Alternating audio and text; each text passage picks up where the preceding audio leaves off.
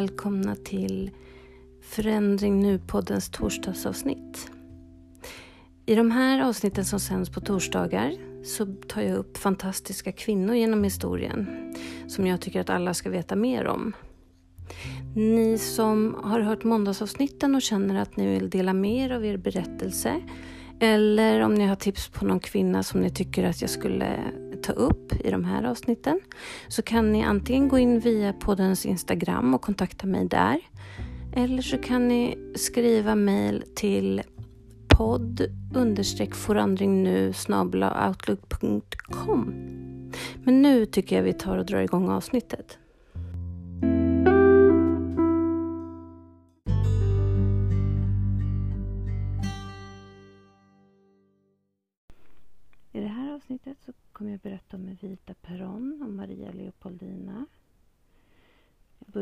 Maria. Maria Leopoldina av Österrike föddes den 22 januari 1797 i Wien. Död den 11 december 1826 i Rio de Janeiro. Hon var en brasiliansk kejsarinna och en portugisisk drottning som då hon var gift med Peter den första av Brasilien. Hon fungerade som regent i Brasilien under sin makes frånvaro. Hon regerade mellan 7 september 1822 till den 11 december 1826. Alltså i fyra år och 95 dagar.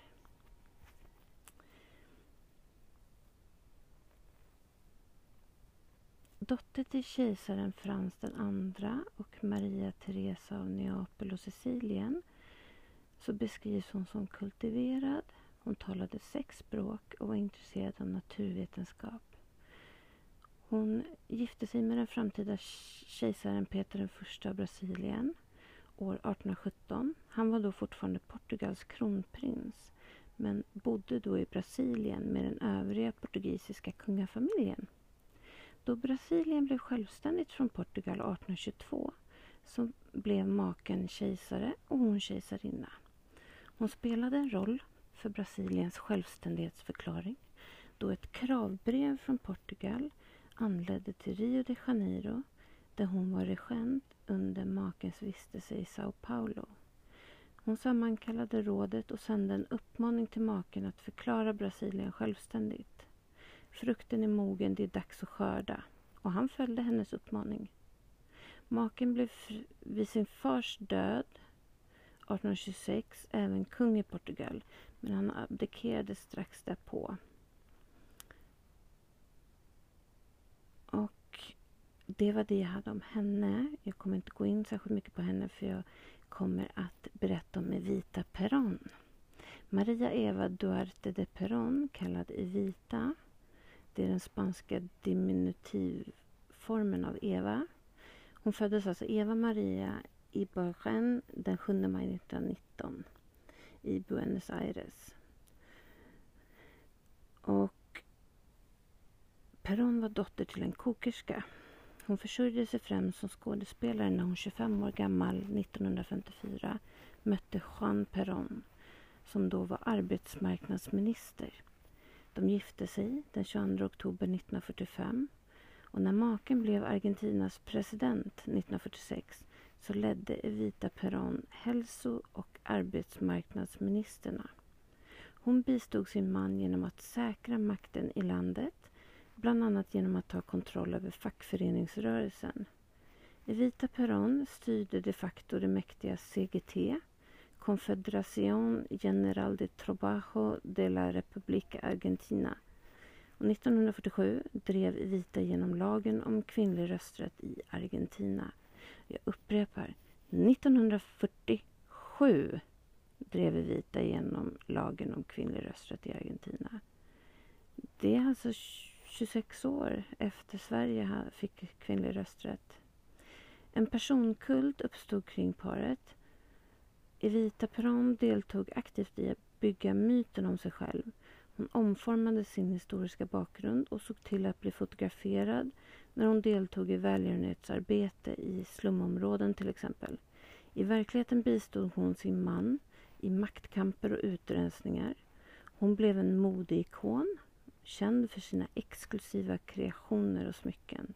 Och 1951 så nominerades hon till posten som vicepresident.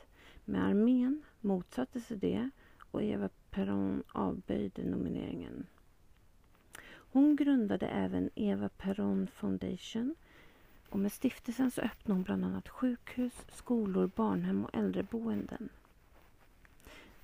Efter hon fått veta att hon levde av livmoderhalscancer så fortsatte Evita Peron sitt arbete. När hon avled bara 33 år gammal så utlystes en landssorg i Argentina.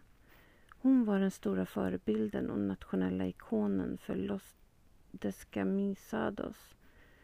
Hennes grav finns på kyrkogården Recoleta medan makens grav återfinns vid sommarresidenset, sedermera museet i San Vicente utanför Buenos Aires. Eva Perón balsamerades efter sin död av Dr Pedro Ara för 100 000 dollar. Asteroiderna 1869, 1569 förlåt, i vita 15, 1581 Abanderada 1582 Martyr och 1588 Descamisada och 1589 Fanatica är alla direkt eller indirekt uppkallade efter henne. Och musikalen Evita av Andrew Lloyd Webber bygger på myten om Eva Perons liv. Musikalen låg till grund för filmen Evita som kom 1996 med Madonna i titelrollen.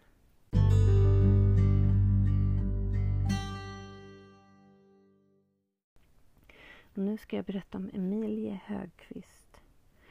Hon levde mellan 1812 och 1846. Hon blev alltså bara 34 år gammal. Hon var en balettdansös, skådespelerska och älskarinna till Oscar den första. Emelie Sofie Högqvist föddes i Stockholm den 29 april 1812 som dotter till hovmästaren Anders Högqvist och Anna Beata Hedvall. Hennes far blev senare hovmästare vid Sveriges då rikaste man, greve Karl de Geer vars hus låg vid Västra Trädgårdsgatan i Stockholm, bara ett stenkast från Gustav IIIs opera. Emilie, eller ja, Emilie sägs ha fått en skral uppfostran som hennes mor klandras för. Vid nio års ålder så antogs hon i alla fall som elev vid balletten där hon sedan var i fem år tills hon vid 14 års ålder följde med Berggrens kringresande teatersällskap där hon deltog som aktris.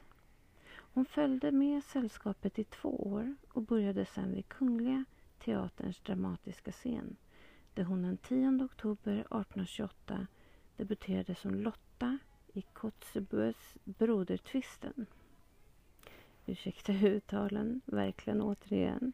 Emilie arbetade vid Kungliga scenen i sex år. Under den tiden höjde hon sig varken över genomsnittet eller väckte på något sätt någon annan uppmärksamhet. Förutom att hennes röst ansågs för gäll. För dåtidens ideal så hade hon emellertid en annan fördel. Hon ansågs vara mycket vacker. Fritz von Dardel skrev följande om Emilie. Denna skådespelerska var kanske ännu mer berömd för sin skönhet och sina behag än för sin talang. Hon var mycket lång och smärt, hade en hy av ros och lilja, små fina drag och vackert blont hår. Därtill var hon glad och älskvärd. Emilia hade ett förhållande med den engelska legations, legationssekreteraren John Arthur Douglas Blomfeld som hyrde en våning åt henne i Salvi gränd i Stockholm. Även kronprins Oscar fick upp ögonen för Emilie och blev förälskad. Oscars far ogillade sonens förbindelse och sände henne till Paris 1834 för att försöka bryta förbindelsen mellan dem. I Paris så lärde hon sig hos den franska skådespelerskan Anne-Françoise Hippolyte Boutet kallades Mademoiselle Marche för att använda sin röst och att gå och föra sig på ett bättre sätt. Och väl tillbaka i Stockholm så tyckte folk att det var som ett alldeles nytt väsende som uppenbarat sig på Tiljan. Eh, Tiljan är scengolvet. Hennes förut så gnälliga röst hade blivit mjuk och behaglig och den förut så gängliga figuren hade fått stadga och hållning och ansågs nu vara en fulländad världsdams. Väl tillbaka i Stockholm så återupptog hon förbindelsen med Oscar som blev hennes ständiga beskyddare. Hon fick dessutom en mängd roller och spelade bland annat William Shakespeares pjäser Ofelia. Hon spelade Orleanska jungfrun, Maria Stuart och många fler, fast mest spelade hon dock komedier. På Oscars uppmaning så for hon 1837 tillbaka till Paris för att utvecklas än mer. Och med sin milda stämma så passade hon inte att spela dåtidens mäktiga stora dramatiska utspel. Och även 1839 så besökte hon Paris igen. Hon gjorde även en resa till Italien 1841. Hon var kringsvärmad av konstnärer och höll en litterär salong i en praktfull våning i Paulinska huset vid Gustav Adolfs torg. Med kronprins Oscar så fick Emilie sönerna Hjalmar som levde mellan 1839 och 1874 och sonen Max 1840 till 1872. Hjalmar föddes i Hamburg 1839. Han blev 35 år gammal. Han dog under en Englandsresa 1874.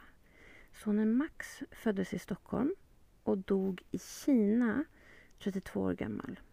Emilie brukar kalla sina söner för prinsarna av Lappland. Officiellt så erkändes aldrig barnen som Oscars söner men han sörjde i alla fall för deras framtid. Oskar far Karl den XIV Johan sägs ha varit mycket upprörd över sonens oäkta barn. Kronprinsens känslor började emellertid svalna snart för Emilie och även publikens intresse svalna. Den 7 december 1845 så uppträdde Emilie för sista gången på scenen som fru de Nohan i Den gifte mannen i staden och på landet samt som aventurin i Polskan. Efter en längre tid drabbad av lungsjukdom så reste Emilie till Italien, då var hon 34 år, för att under ett mildare väder försöka kurera sig. Men hon dog den 18 december 1846 och hon begravdes också där i Turin i Italien. Och för att beskriva lite årtal här nu då. Så 1821 till 1826 så var hon balettelev vid Kungliga Teatern. Från 1826 till 28 så var hon anställd vid A.P. Berggrens resande teatersällskap. Och hon blev elev vid Kungliga Teaterns dramatiska scen mellan 1828 och 1831. Efter det, fram till 1846, så var hon aktris vid Kungliga Teaterns dramatiska scen. 1834 gjorde hon en studie, studieresa till Paris. Hon sändes dit av Karl XIV Johan. 1837 så åkte hon igen utomlands. 1839 utomlands igen. 1842 till 43 så var hon tjänstledig. Och 1846 kallas i mantallängden och i bouppteckning för premiäraktris. Och det här var det jag hade det här avsnittet. Jag hoppas ni har tyckt det var intressant. Det blev ett lite kortare avsnitt den här gången. Men vi hörs i nästa avsnitt. Redan på måndag. Sköt om er och må väl.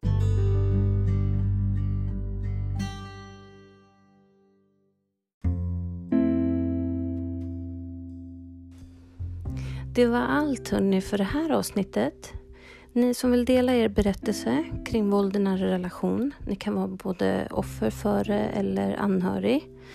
Ni kan nå mig på poddens Instagram eller på poddens mail podd understreck forandringnu outlook.com. Ta hand om er och varandra så hörs vi i nästa avsnitt. Hej så länge!